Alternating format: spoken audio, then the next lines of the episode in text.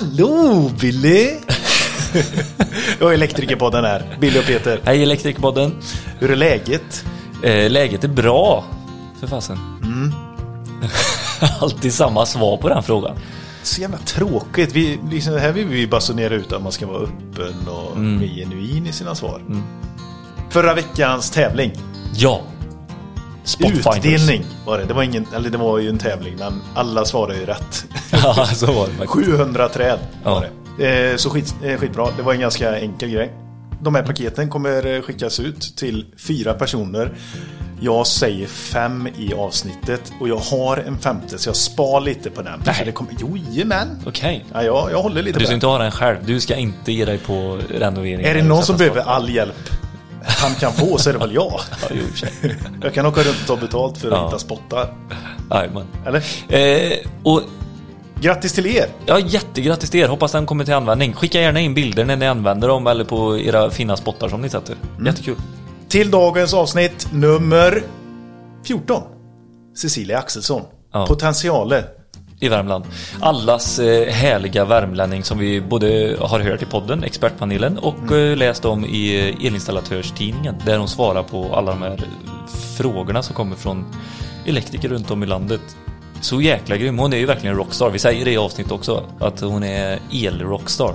Men vart, vart någon annanstans, i vilken annan bransch har man en sån där Nej. som ger utav sin kunskap så mycket som hon gör? Nej, och det, i, i avsnittet här så går vi in på det, hur det är att ge och blotta sig så genom att ge den här kunskapen. Eh, och nej, det är ett Mot, jättefint mot en avsnitt. bransch som är teknikburen också. Ja, och Alltså, ganska inte- hård i sin ton när man säger fel. Ja men det är det ju, så är det ju alltid, synd, nästan alltså. alla branscher. Ja, det Man-. Att säga det här kan jag. Ja, Men eh, vi hoppas ni eh, njuter lika mycket som eh, jag och Billy när vi lyssnar på våra egna röster. In på Instagram och Facebook, eh, Elteknikforumet. Häng med in i de värmländska skogarna och luta dig tillbaka. Chip och hej!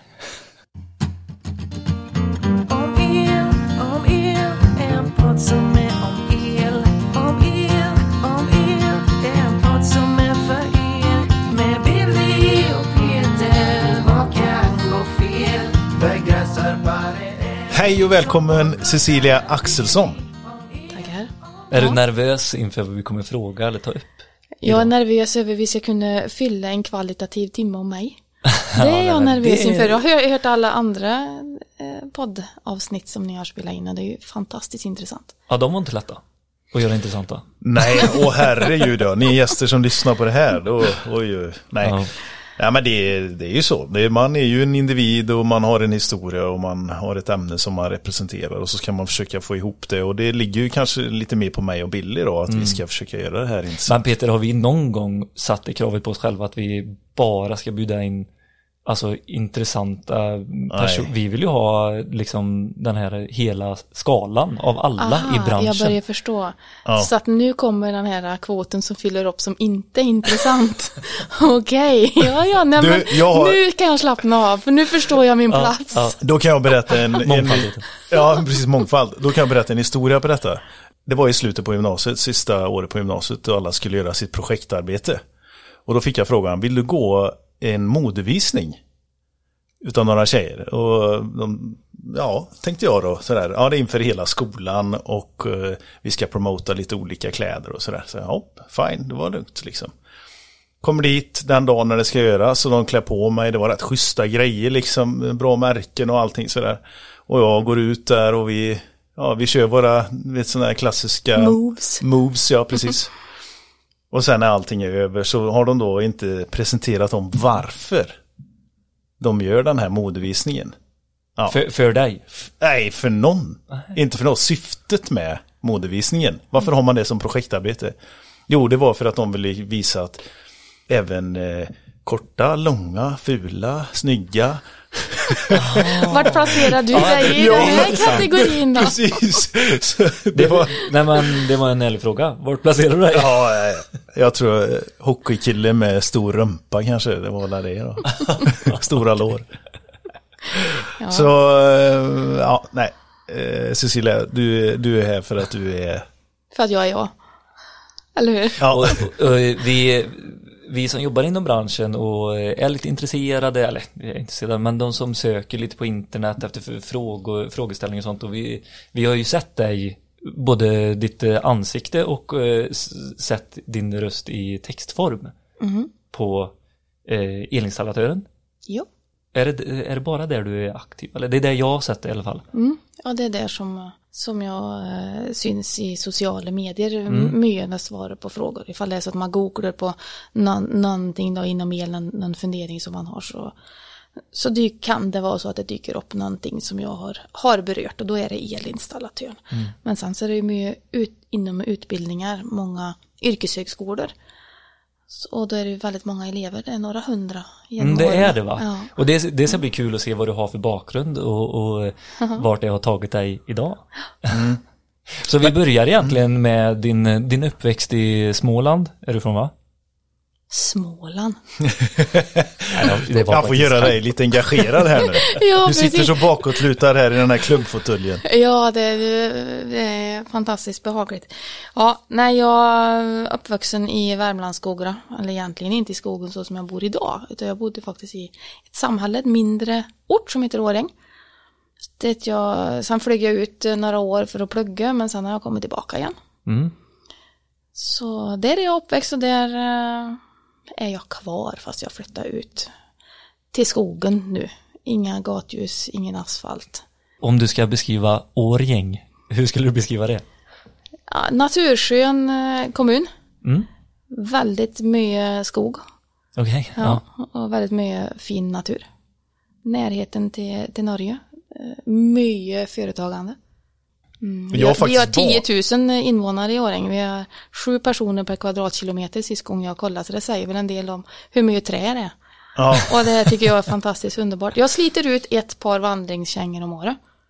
Härligt. Så, så mycket tycker jag om natur. Var det lika självklart att ta del av naturen när du var liten? När du växte upp? Nej, det vet jag inte. Det, de, de eh, anklagar pappa lite grann för att inte ha sett något annat än 70-skyltar. Så att eh, jag vet inte. Vi, vi flyttar väl inte sådär görmycket på oss. Nej. Så det har hela tiden varit en naturlig del. Men eh, inte så här eh, skogsvandring, nu drar vi till fjäll eller någonting. För då passerar man 70-skyltar. Ja, okej. Så att vi håller oss på hemmaplan. Och det ja, är väldigt trygg hemma. Mm. Alltså Årgäng är ju kanske inte för alla jättekänt, men de har ju i alla fall Årgängstravet.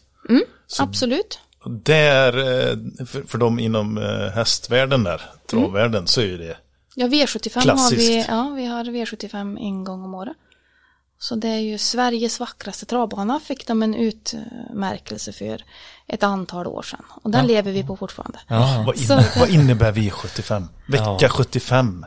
Ja, jag vet inte, jag, Nej, jag, vet har varit på, Ja, kanske vecka 75. ja, nej, jag, jag vet ju faktiskt inte riktigt vad Ja, vi du vet inte heller det? Nej, vi, de gånger jag har varit på traver eh, för idrottsföreningar haft något uppdrag där. Så idrottsföreningar är jag väldigt aktiv i, inom fotbollen, men Mm. trav har jag Köp en kross sa pappa när vi var lite för han behöver inte mat på julafton.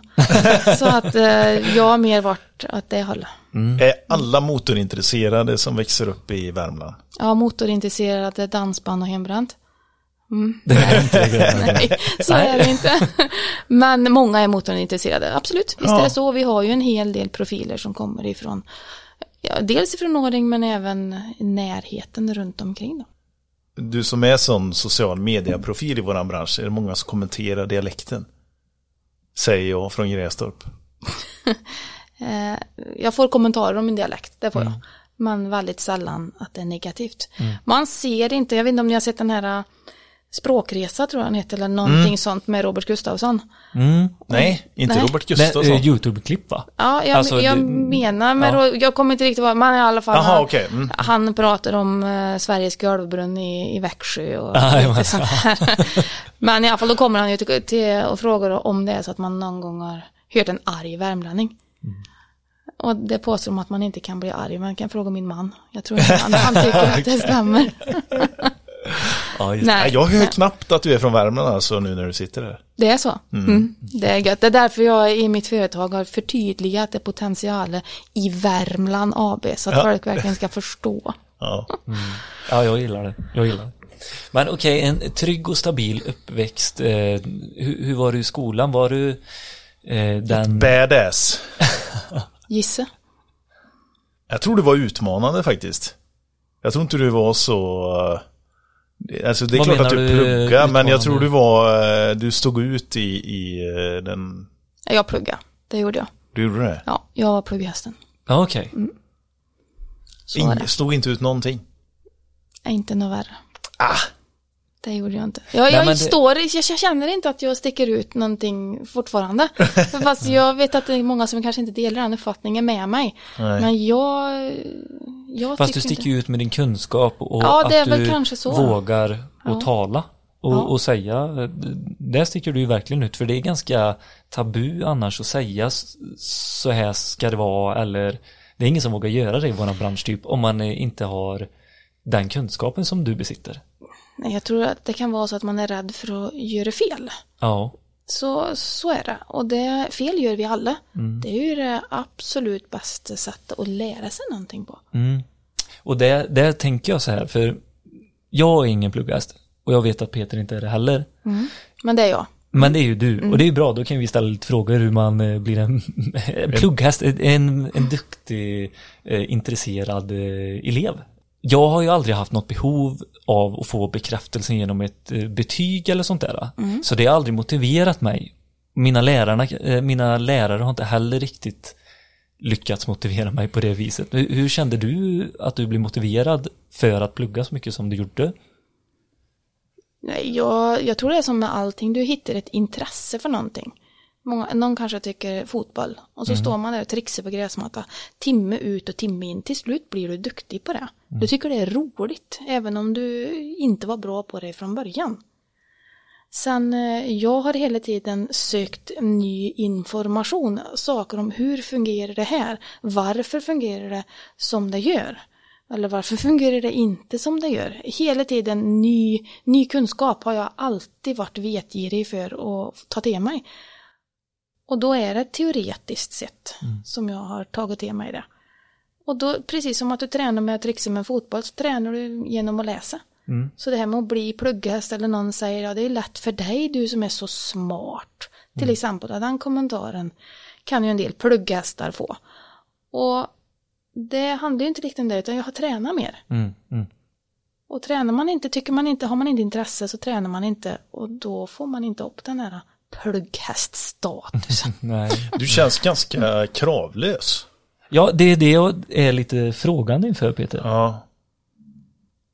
För oftast när man tänker på sådana som pluggar mycket, de har ganska höga krav på sig själva. Och speciellt eh, tjejer, alltså duktig flicka-syndromet. Jag är jätteglad att ni säger det, för det är precis tvärtom. Ja, det är Jag så. har så fruktansvärt höga krav på mig själv och jag hade jättejobbigt genom hela min skolgång. Med den här ångesten över att jag inte presterar på topp. Det, jag jobbar med det otroligt mycket. Jag ser det i mina barn hur de kämpar med det här för att de vill att det ska bli rätt. Även fast man säger, "M- min mamma och pappa har aldrig haft de här kraven på mig. Så det är helt och hållet självförvållat. Så jag har, och jag har fortfarande väldigt höga, höga krav på mig själv, men jag försöker att jobba på det.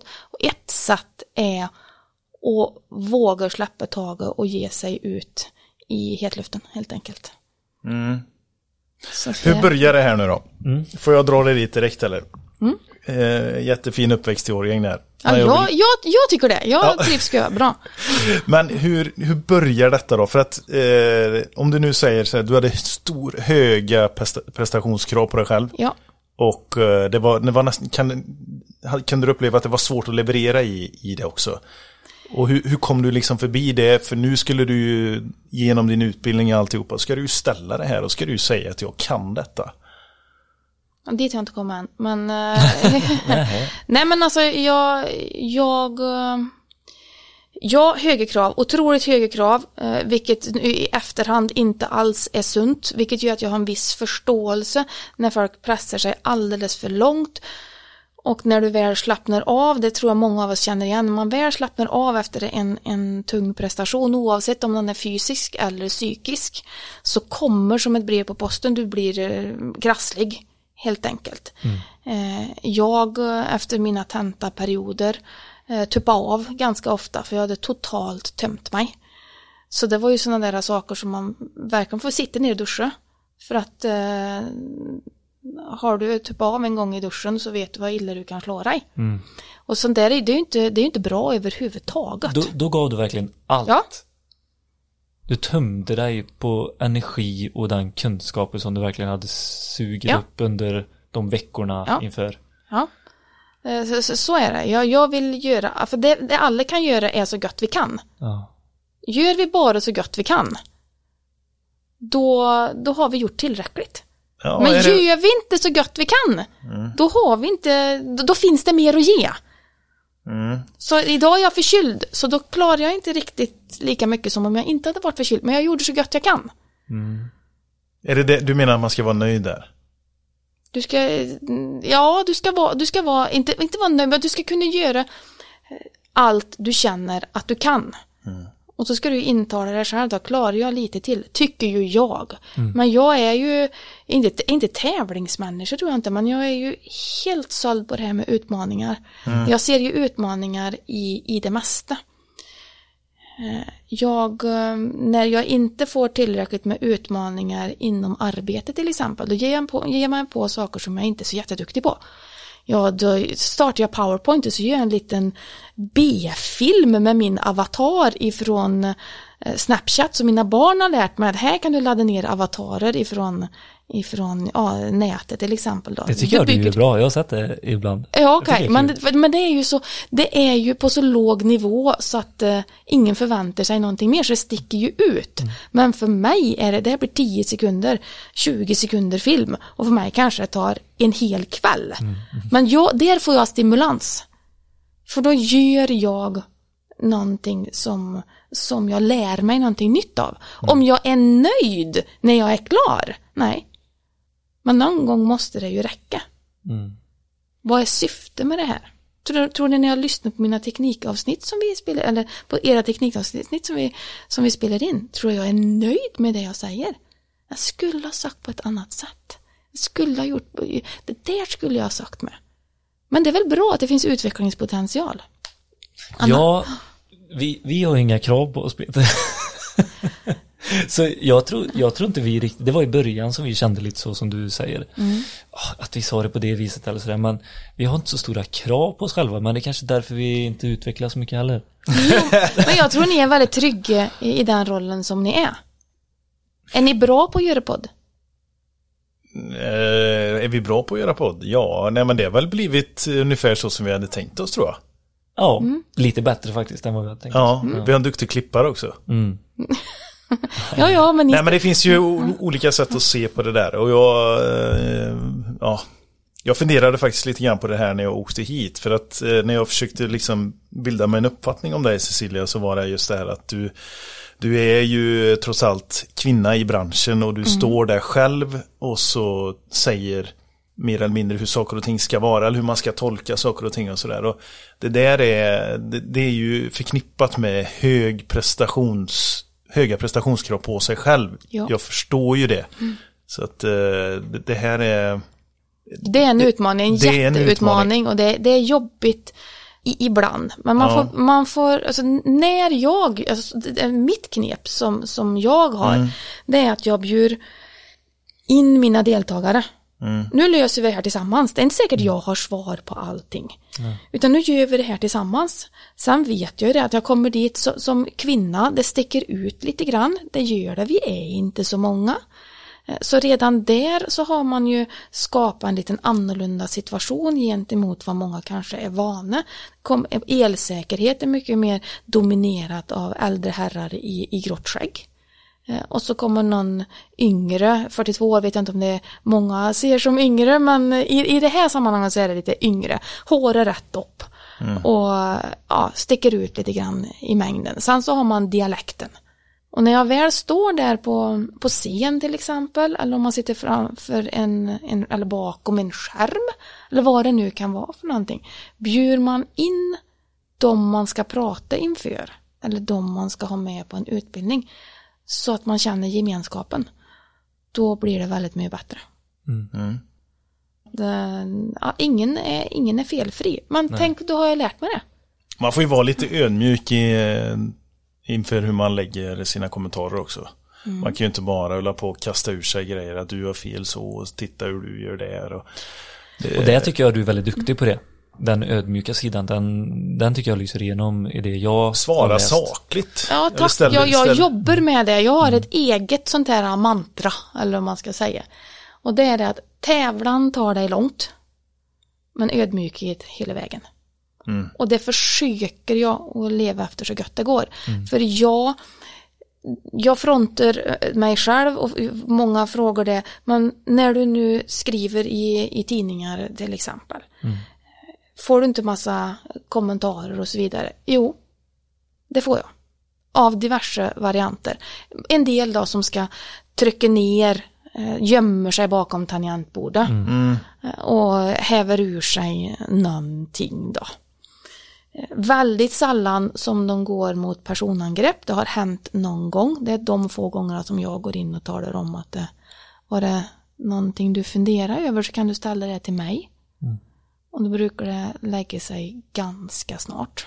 I typ kommentarsfält och Ja. sånt tänker du? Ja. Ja, Japp. det finns även de som gör det, inte accepterar och ta kritik för att jag är kvinna och har då vänt sig till mina manliga kollegor för att eh, de accepterar inte min bedömning av en uppgift. Den förekommer, men det tror inte jag är för att jag är kvinna, utan det är bara för att Ja, jag vet inte. De vill ha en annan, eh, här är jätte, det här är farlig mark, alltså man ska inte generalisera överhuvudtaget. Men jag har fått eh, till mig för att jag är, är kvinna.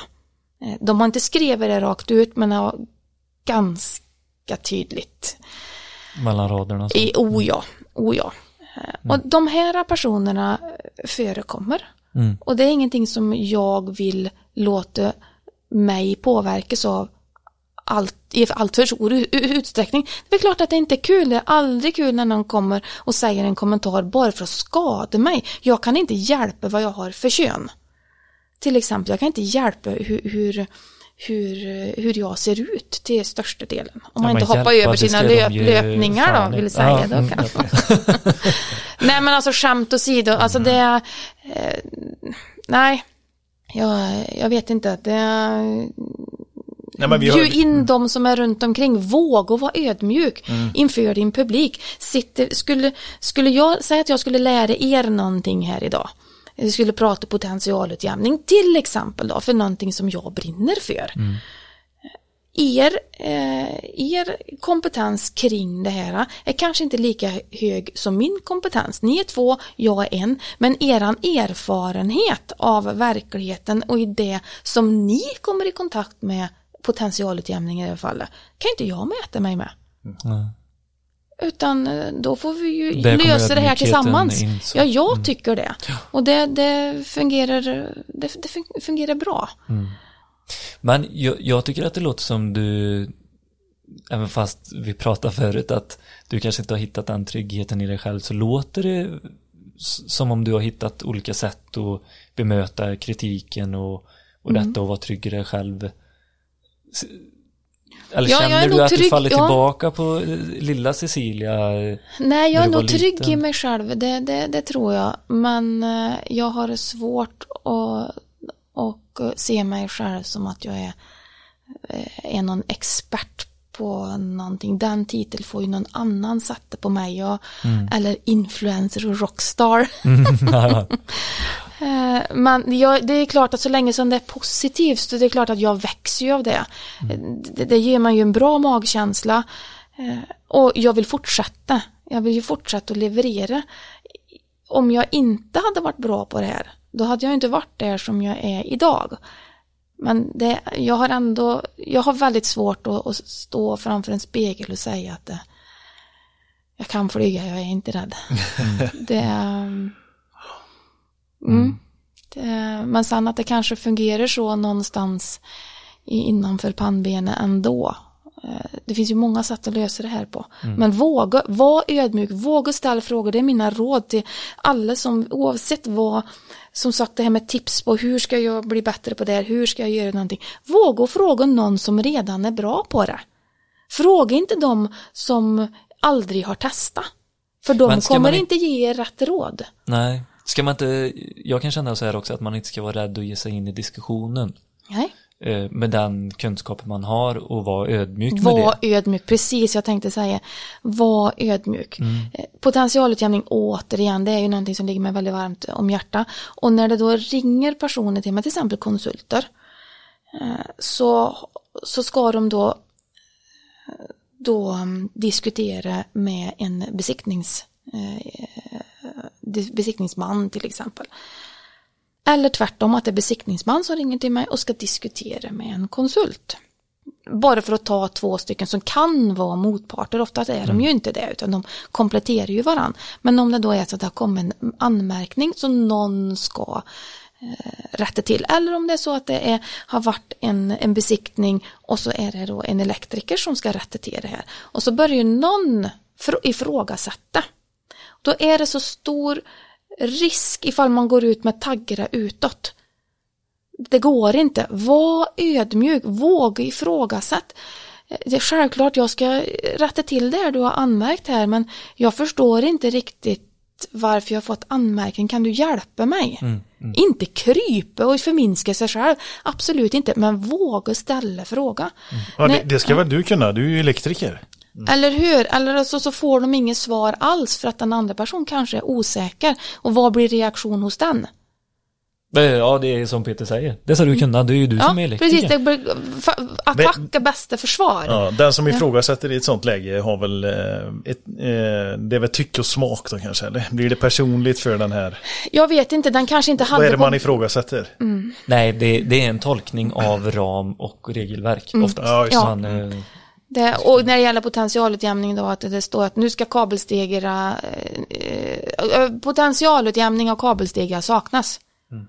Och sen beror det här på självklart, precis som du sa, är det en entreprenadbesiktning eller vad är det för typ av besiktning? Vad står i handlingarna? Och så vidare och så vidare.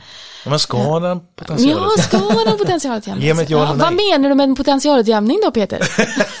säg pusning. Ja, eller hur? Då blir ju jag görglad om vi pratar pusning. Ja. Sus och pus och dus. Eh, kärt barn har många namn. Eh, nej men alltså det här med- att vara ödmjuk. Jag kör ju utbildningar en hel del men jag kör ju även en hel del utredningar.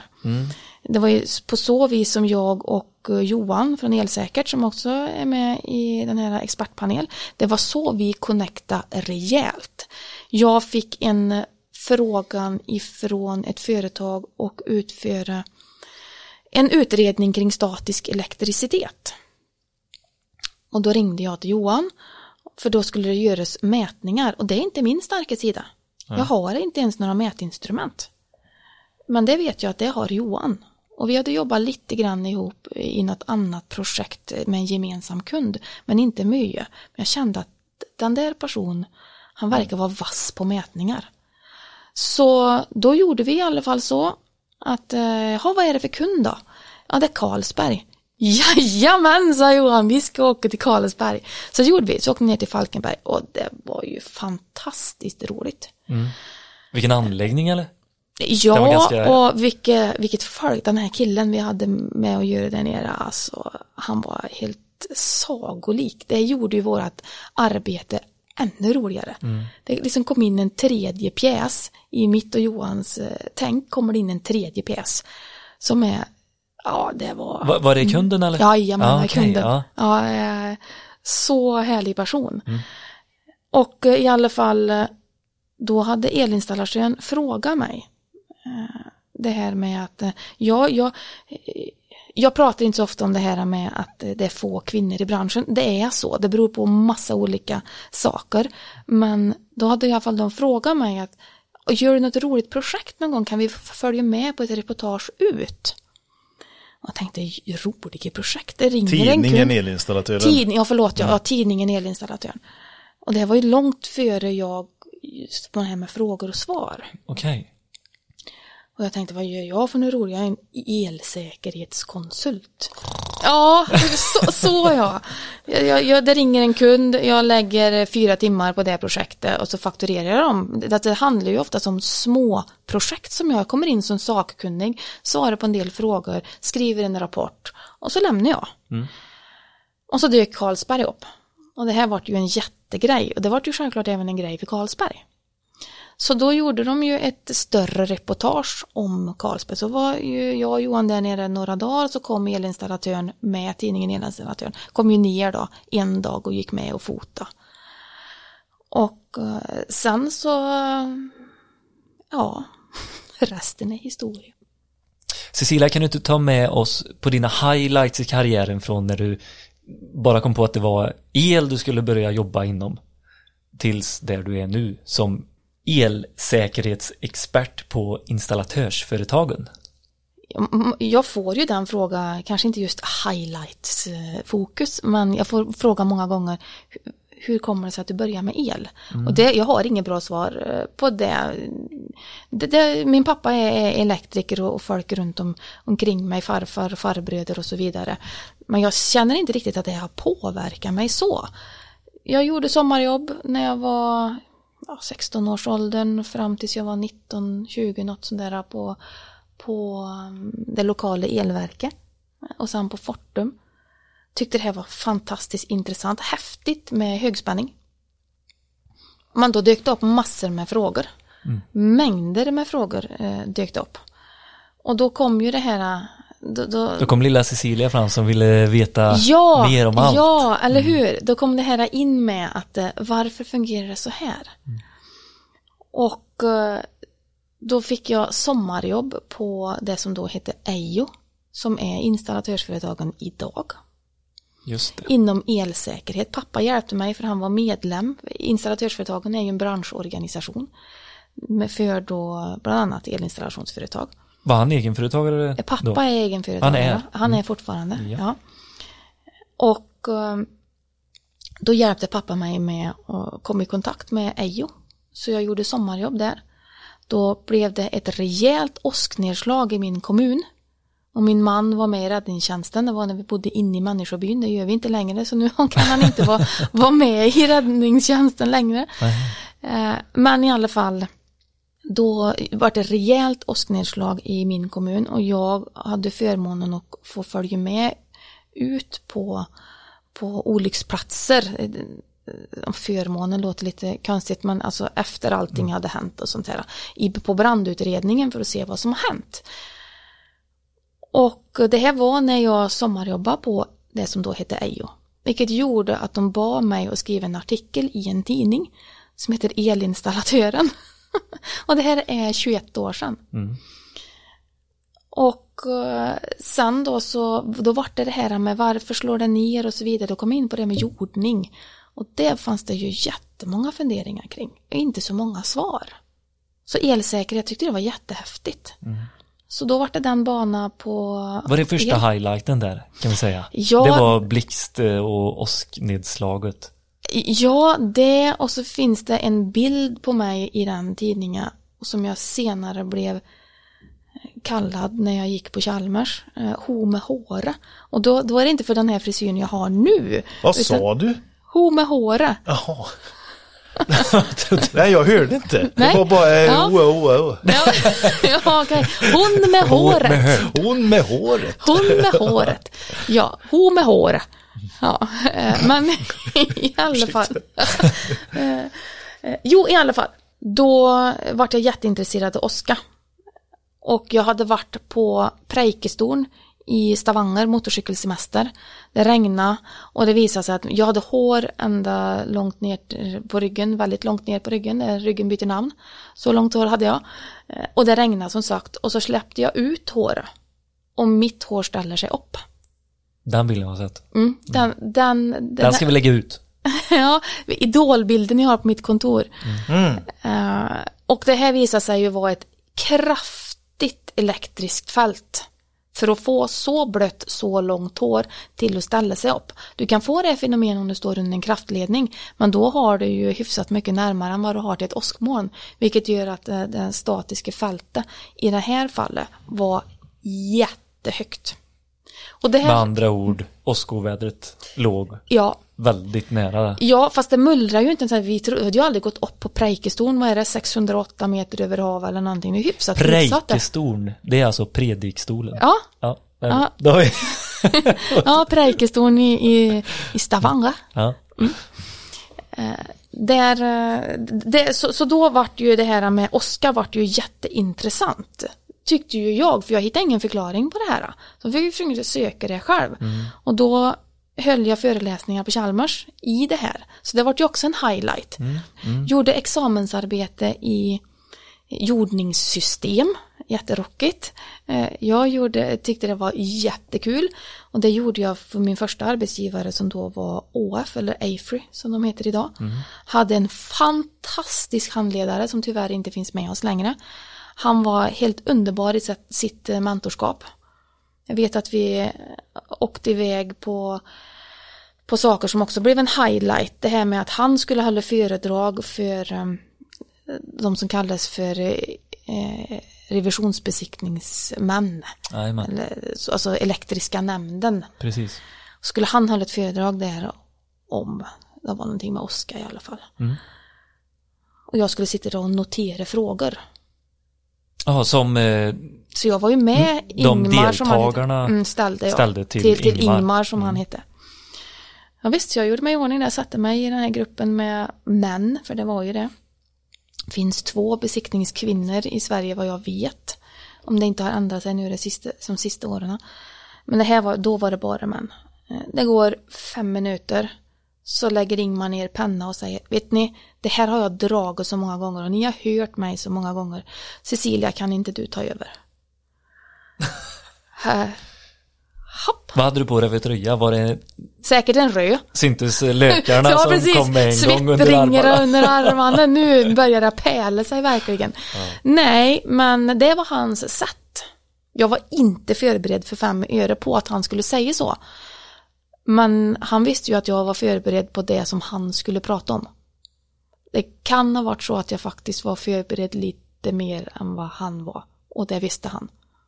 För jag hade ju läst på något enormt före. Okej. Så det blev lite grann en vändning. Att eh, oj, det här var skitjobbigt. Nu sprang jag den där extra kilometern eller två kilometer för att verkligen pressa mig själv. Men det var någon annan som var tvungen till att pusha mig för jag hade inte gått upp där och sagt du Ingmar kan du sätta dig? Kan väl jag få köra det här? Det hade inte blivit samma sak utan vi behöver vara med med den där kompisen som säger jo nu tar vi två lyktstolpar till, kom igen nu! Och det blir samma sak här. Han pushar ju, ju mig. Så ja, och sen på den vägen eh, var det det här med mer och mer frågor kring potentialutjämning eftersom det fanns väldigt dåligt med svar. Jordningssystem och potentialutjämning. Så jävla sexigt va? Eller hur? Eller hur? Jag förstår inte hur du kan tycka att det är så intressant alltså. Ja, men det finns ju inga svar. Nej. Nej, eller väldigt få svar. Ja, Jag har råkat hitta en grej som jag är relativt ensam om och tycker är fascinerande, men som branschen har ett stort behov av att få utrett. Kallet tur eller vad som helst. Jag visste inte det när jag började intressera mig för, för åska och vad som händer med, med backen, vart tar blixten vägen och så vidare. Jag har ingen aning om att jag skulle sitta här med ett eget företag ett en antal podd. år. I, I en podd hade du definitivt inte trott att jag skulle hamna. Eh, Så, så det här blev ju min, mina få, eller få highlights då som har tagit mig vidare. Och sen så har ja, det har väckt uppmärksamhet att jag ställer frågor och inte, jag måste nog nog få säga det, jag är inte en av dem som går ut och talar om att alla andra har fel. Utan jag är genuint intresserad. Och det är det som jag tror har tagit mig dit jag är idag. men är det inte läskigt att alltid vara den som folk kommer till som den sista experten när man har pratat med, med de man känner eller säljarna, eh, granne, installatörsbolaget och, och det här. Så nej, kommer inte riktigt fram till detta och då ringer de dig och då är du liksom experten. Är det inte läskigt att Jag ser det som en domare. Nej men jag ser inte det här som att vara den sista. Jag har faktiskt aldrig tänkt så. Eh, utan Det kanske är nu, tur det. Då kanske Ja. man får väldigt mycket Ja, då kanske man får mer krav på sig så sett. Men eh, nu när du ställer fråga så får jag ju tänka efter lite grann. Och då resonerar jag lite grann så här att känner mig nog mer som den första. Jag bryr mig inte om vad den här personen har fått för svar tidigare. För av någon anledning så vill person ha min åsikt. Så då levererar jag min åsikt. När jag kör utbildningar så till exempel då, eller även när jag kör utredningar ho- hos kund så brukar jag säga det att eh, ni får ingen komplett lösning av mig. För det här är de områdena som jag håller har ett uppdrag inom mig oftast så komplexa så att det är svårt att ge en en svartvit lösning liksom så här. Så- jag blir så trött på det. Ja, nej men det som jag ger dem, det är en verktygslåda. Här har ni verktygen för att ni själva ska kunna göra bedömningen när ni kommer ut. Om den där Peter, om den där kabelstegen ska potentialutjämnas eller inte. Mm, men det blir lite för fluffigt där känner jag. Ja, Jo, men för dig ja. som inte har någon bakomliggande du får, kunskap gå, du, så får förstår gå, jag en- det. du får gå en Men, utbildning ja. eh, för mig så ska, Eller med ska du se. Anders. eh, Ja, precis. Ja. Med de som kan något. Ja, precis. Eh, Och vad var det som Och inte en- bara hitta på egna sanningar.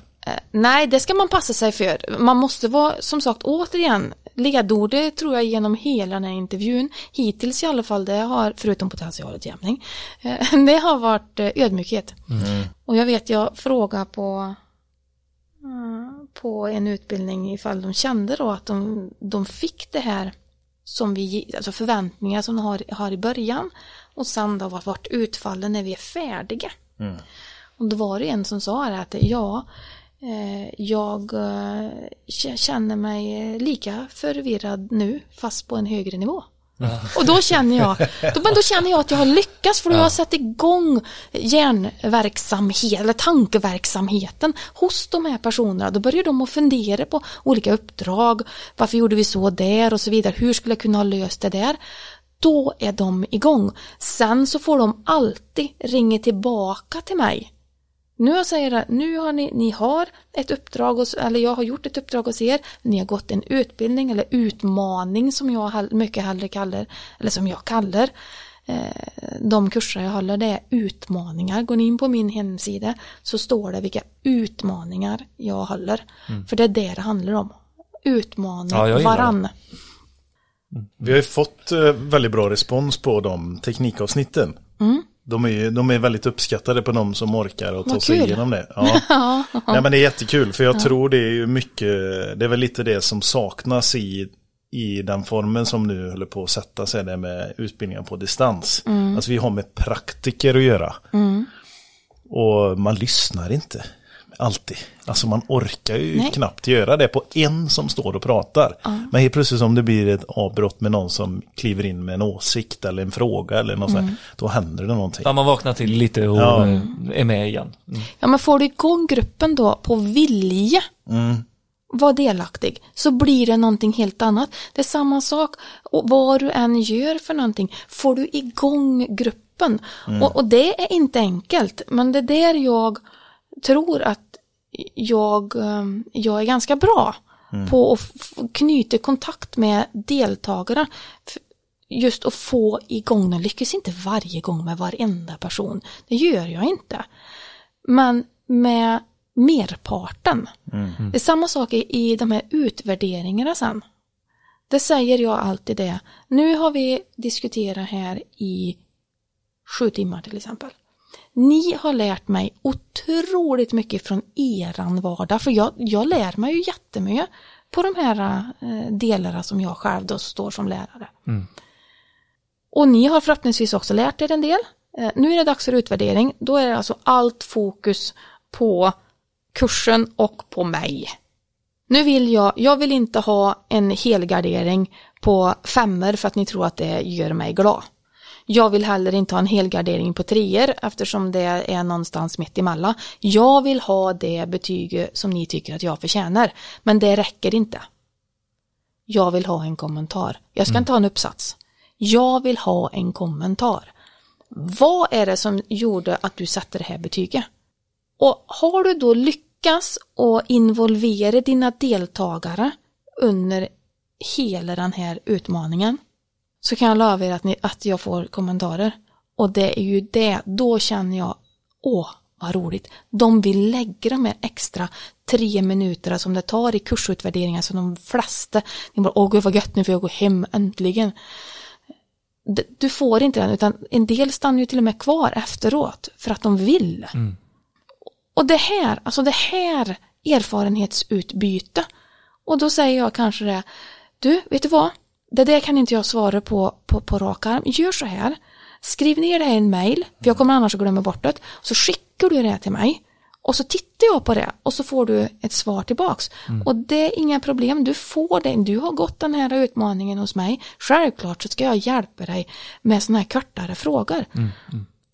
Tror ni att de, de eh, efter en sån här utmaning två dagar efter, en dag efter någonting sätter sig och skriver det här mejlet? Nej. Jo, Ja. de gör det. Ja, okej. Ja, då har du lyckats eh, vara tillräckligt. oftast så gör de det direkt när vi har lagt på. Okej. Ja. Tror ni jag känner mig glad då? ja, det bör du göra. Ja, det gör jag. Det, och ja, så då, då känner jag mig, vi var inne på det här, att känna sig nöjd. Men det som får den här, det här är det som gör att jag vill vidare. Då får eh, Cecilia revansch där hon satt i skolbänken och var liten och har pluggat hårt. Där får du nej, tillbaka ja, jag, får, lite. be- ja, jag får belöning. Eh, Så, så, så är det ju. Ja, superhärligt. Ja. Vi, har, eh, vi brukar avsluta våra samtal lite. Vi ska börja runda av. Och vi brukar avsluta med lite framtidsspaningar. Och då tänkte jag komma med lite olika framtidsspaningar jag har. Där det är utmaningar inom potentialutjämning och jordning. Okej. Så får du svara vad du vill med en kommentar eller ja, du får svara vad du vill. Ja, det var snällt, tack. Eh, solcellsanläggningar Yes. längst uppe på taket. Ganska blottade. Mm. Hur tänker vi där med potentialutjämning och jordning? En, så de här solcellspanelerna som sitter där, där uppe, de är ju i klass 2-utförande. De är ju dubbelisolerade. Så även om det inträffar ett fel där så kan inte de anta en farlig spänning, alltså beröringsspänning.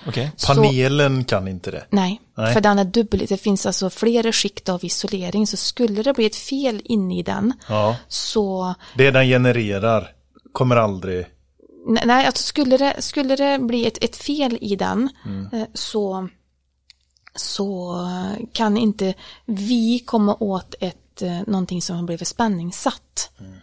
Och det här är ju jätteviktigt när det gäller solceller eftersom även om nu ett skydd skulle lösa för att det har blivit ett fel så fortsätter ju sola och skina. Jajamän. Så att det, det, alltså det, solceller är ju väldigt Spänningen är fortfarande där. Precis, så därför är de här i dubbelisolerat eh, utförande.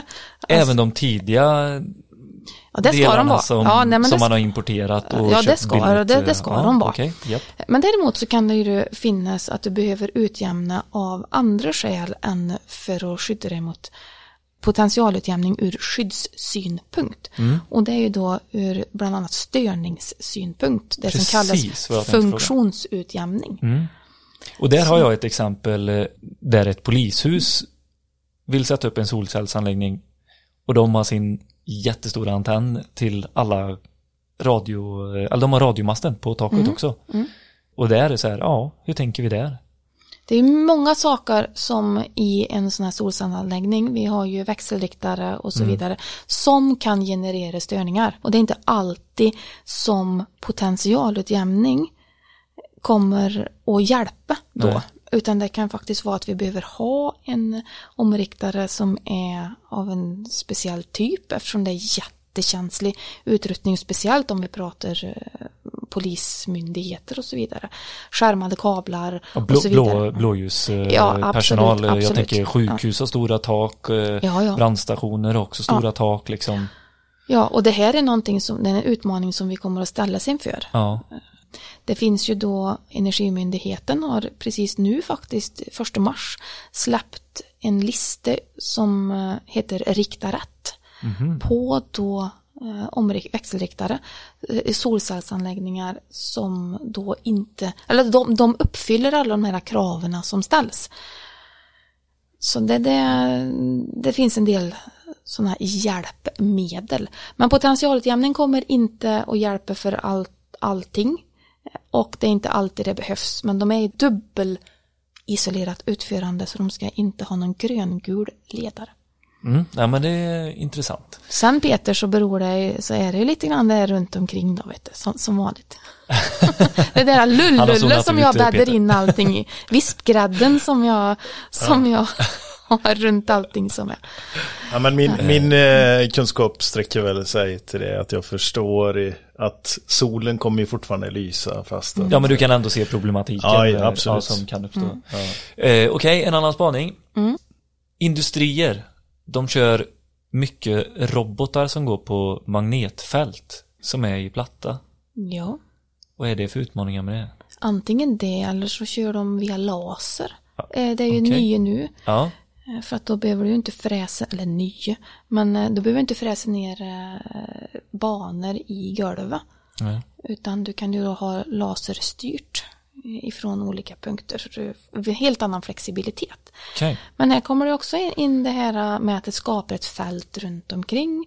Och du kan få störningar för känslig utrustning. Och då finns det självklart lösningar på det. Men det är inte alltid så jätteenkelt. Utan här får man ju då anpassa. Så, så är det. Vi pratade statisk elektricitet förut. precis. Det finns massor med olika lösningar kring det. Kanske var att man behöver sätta in luft av, eller luftfuktare. För att göra eh, luften fuktigare. Till exempel sådana saker kan det vara. Det kan vara problem i vissa anläggningar där man har kretskort där det inte var så fuktigt. Ja, det kan vara Alltså, en industri ja. där de transporterar saker eh, till olika robotceller Ja. som har väldigt eh, känslig... Absolut. Eh, Så, vi pratade på Carlsberg förut. Där eh, plastar de ju in drickakollin. Och då är det en robot då, som en robotarm som snurrar runt och plastar in de här drickakollina. Där bildas det statiska. Det kan jag tänka mig. Ja, det Den slog eh, driftoperatören som ska gå fram dit bara... Precis vad som hände. Det slog gnistor på över en decimeter. Det var det jag som Johan var där och tittade på varför. Det här är inte farligt för personer direkt. Alltså, det kan vara att du rycker till. Väldigt obehagligt. Mm. Precis, du snubblar och- kanske bryter en arm. Men det är inte farligt eh, i i övrigt, inte elchocksfaran så. Nej. Men eh, då var det ju en operatör som var där och skulle titta på det här och hade med sig en laptop ut. Ställde den uppe på pallen, drickapallen. Den laptopen vart heldöd. nej. Okej, ja, börjar den ryka eller något? Eller Nej, nej, det- nej, absolut inte. Det var bara kvartslutning. Eh, Det var stat, en urladdning eh, i, i, i den här då. Så att kretskorten klarar ju inte det. Nej. Så att det där var ju bara att beställa ny. Ja. Eh, Vad, man- gjorde han det för att testa eller var det? Nej, nej, han ställde bara ner den. När du närmar dig den här, Aj, aj, när du närmar den här pallen så känner du all, alla, alla ställen du har hår på på kroppen. Det, det, det märker du. För att det bara, allting bara rör sig. Ja. Sen kommer den här, som du sa, den här pallen transporteras till någon annan ny station. Mm. Det står där då en person som ska plasta av. De hade ju gjort på träskaft med en sån där buköppnare som du har Nej. när du jagar. Ja. Alltså som jägare. Och för att skära av den här plasten och inte slippa, för att slippa ta i den här. Mm, Så har de gärna lite varma, gosiga fliskläder på sig och så vidare. Okej, ja. men hur löste ni detta? Eh, ja, det visar sig att eh, den tappar referensen med skyddsjorden när Ja. den snurrar. För det var för mycket Var det en skydd- skyddsjord till den? Ingen funktionsjord Eh, Nej, skyddsjord var, Skyddsjord. alltså, som skulle avleda detta? Mm. ja, inte som, som var det, men alltså till roboten var Okej. ju skyddsjordad. Ja. Det finns ju en skyddsledare med Jajamän. där.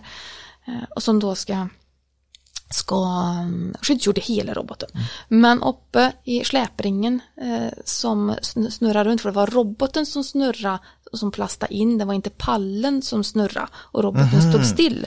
Utan det var ju då... Såklart för att inte skaka Ja, ölen. Ja, precis. Och det hade blivit för mycket smuts uppe där, så då tappade den referensen, ja precis, kon- kontakten med resterande maskin och byggde sig ett eget fält.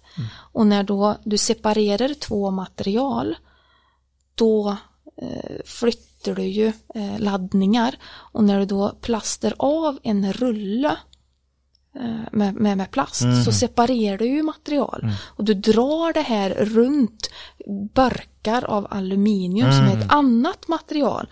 Och du sträcker plasten 300% för att spara plast och för att det här inte ska röra sig. Och när du har plastat klart så fortsätter det här att röra sig. Du får fortfarande rörelse i materialen så fältet byggs upp och byggs upp och byggs upp så by- byggs upp.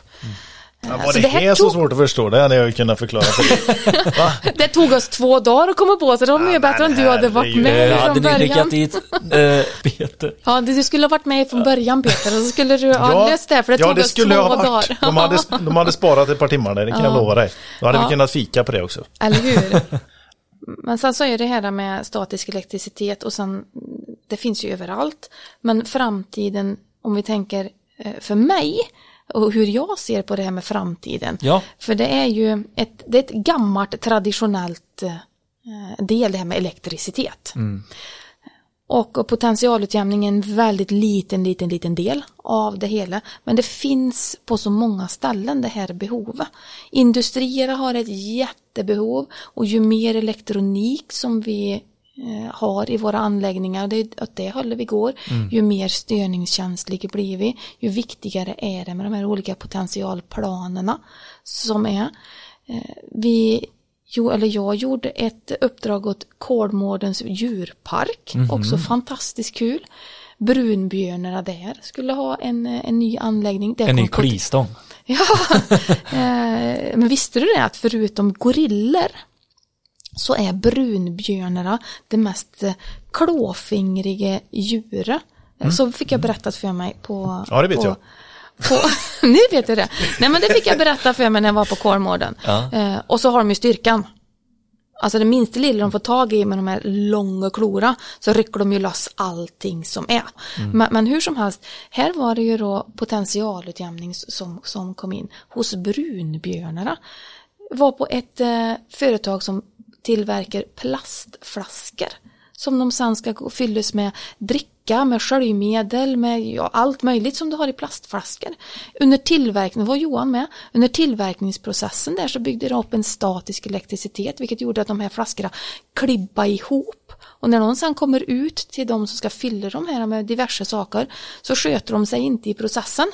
För de, de kanske vrir sig lite, lite grann. Någon kanske ramlar ner. Eh, och de lägger sig åt olika håll på grund av att de har blivit statiska. Just det här när du gnuggar en ballong mot håret. Och så får du den här till att sitta kvar där sen. Så blir det när flaskorna eh, då antar en potential för att det i tillverkningsprocessen inte har varit rätt. Så framtiden inom potentialutjämning tror jag är fort kommer att vara ett jätte, det fin- kommer att finnas ett jättestort behov. Och det är jättekul. Ja men det är det. Cecilia, du har ju tagit nästa kliv i karriären. Och det är ju det du gör tillsammans med installatörsföretagen. Ja, Kan du berätta lite om det? För jag, när jag såg detta när det dök upp på Instagram och LinkedIn och sådär. Och i och med att vi har träffats genom det vi gör med teknikavsnitten. Och Så- potentialer så. Och potential ja, så, så blir jag lite förvånad eh, faktiskt. Men självklart så ja varför rollen. gjorde hon det här? Nej men jag såg inte det komma riktigt. Nej. För vi har ju inte pratat om det Nej, någonting. ingen såg nog det komma. Inte Nej. ens du. Nej, nej, alltså eh, jag har ju ett företag som heter Potential i Värmland. Och, och det, jag, det har jag fortfarande. Det, jag driver det fortfarande. Det ligger absolut inte på is. Men det senaste året nu så har det blivit, för mig, jag har ju pratat om det här med utmaningar, att jag drivs av utmaningar, jag har gjort ända sedan barnsben, jättehöga krav på mig själv och så vidare. Jag vill utvecklas, ser utvecklingspotential, letar utmaningar överallt. Det har jag inte känt att jag har fått under 2020. Jag har haft jättebra beläggning, kanonbra. Eh, ekonomiskt sett så gick mitt företag jättebra. Men jag personligen kände inte att jag fick den här utvecklingen som jag kräver. Då Det är inte roligt att gå på semester och ha en miljon på fickan liksom. semester, vad heter det sa du? Ja, ja, En, det, en miljon, hur mycket är det? ja, precis. Ja, nej, nej, nej, nej. Nej, men alltså in, inte så. Men om man säger så, alltså, jag, jag klarar mig, jag, jag gör inga braksummor sådär. Men, eh, Ja. men, men jag, jag klarar mig. Men däremot så kände jag inte den här tillfredsställelsen med att jag själv, jag stod och stampade lite grann tyckte jag. Och så dök det upp en tjänst via LinkedIn. Och eh, den tänkte jag, jag förlorar ingenting om jag söker den. Och jag förlorade inte, jag vann. Mm. Det gick hela vägen. Och det här var ju då som eh, elsäkerhetsexpert, så stod det eh, i annonsen. På, Och det är du. Det var ju perfekt. jag uppfyllde de förväntningarna som de hade på en sån person.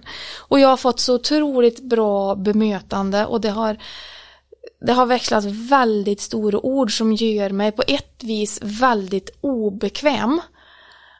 Men eh, alltså på ett positivt sätt. Jag har ingenting emot förväntningarna i branschen, men jag har svårt att se, jag som är en sån här skogsmullemänniska som går runt i mitt underställ och kepsfrisyr hela dagarna, eh, att jag ska vara den här, som de uttryckte, drömförvärv på den här positionen. Jag har jättesvårt att ta åt mig det där, men det är klart att jag känner mig smickrad. Ja, det ska du ju. Ja, eh, så det blev ju som du sa Peter, ja det är ett steg i, i min karriär och det är ett steg i utvecklingen framåt för att kunna utmana mig själv. Installatörsföretagen, där kommer jag ju ha jättemycket kontakt med de lyssnare eh, i eran podd. För det är ju då ett medlems, eh, alltså en branschorganisation med medlemsföretag. Det är över 2000 eh, Eh, elinstallationsföretag i installatörsföretagen. Så, och där, där kommer jag ju då sitta och dels svara på, på frågor ifrån branschen. Jag kommer att fortsätta med tidningen Elinstallatören som jag håller på med idag. Jag kommer delvis hålla på med utbildningar. Men jag kommer också att skriva en del handböcker, jobba med både nationellt och internationellt standardiseringsarbete, utveckla säker el, egenkontrollprogramsmoduler, sånt som installatörsföretagen har digitalt, sitter med de sakerna, opinionsbildning, skriver debattartiklar, var med på mässor eh, och så vidare. Då. Så, En riktig el-rockstar. Faktiskt. Ja. Ja, jag, alltså jag, jag, jag blir jätteglad när ni säger det, även om jag har svårt att se det där Ja. själv. Så det är klart att jag blir smickrad och jag Men det är ju ett erkännande Cecilia. Ja. Ja, men jag är fortfarande den där uh, Ja, jo, jo, men nu ska du börja säga någonting annat. I'm a rockstar. Ja, Exakt. Ja, ja, när mina barn ser mig som en rockstjärna då kanske jag kan. Då, det ser de mig Ja, men då behöver som. de bli elektriker först. Ja. Då, då förstår de. Vi tar med oss eh, mycket utav det som vi själva vill eh, förmedla genom podden. Och det är den här ödmjukheten. Som eh, vi alla behöver ta med oss lite grann. Alltså elektricitet och det installationer som vi håller på med. Det är inget självklart ämne. Vi får, vi får alla frågor och vi försöker alla svara. Men det bästa kan ju ändå vara om vi, vi för en dialog mellan olika parter. Nätverkande. Och nätverkande, Absolut. ja. Våga och fråga. Precis. Våga och fråga någon, någon kollega. Ja. Ring en vän, ta en livlina. Gör det. Och det är verkligen på det här sättet som vi försöker göra det här nu genom podden att kom gärna in med frågor för vi har en jättebra expertpanel och, och du är ju ja, jag vet inte, vi, vi får ju svårt att hitta någon annan. Högre. Alltså Högre. letar ni någon annan? Precis. Det lät ju så grann så Har det någon annan där ute? Nej. Nej då. Men eh, så, ja, vi hoppas verkligen att ni har fått en, eh, en härlig bild av Cecilia. Jag tror inte det var någon som hade någon annan typ av bild av dig innan. Nej, jag har svårt att se det. Ja. ja, du behöver inte svara på det. Tåte bara. Ja. Tack eh, Cecilia för att du ville delta och tack för att du är den du är och mm. tack för att eh, du vill eh, ja, lära branschen och vara en del av branschen. Stort tack. Som människa. Tack, så mycket Peter. Tack. Om er, om er, but yeah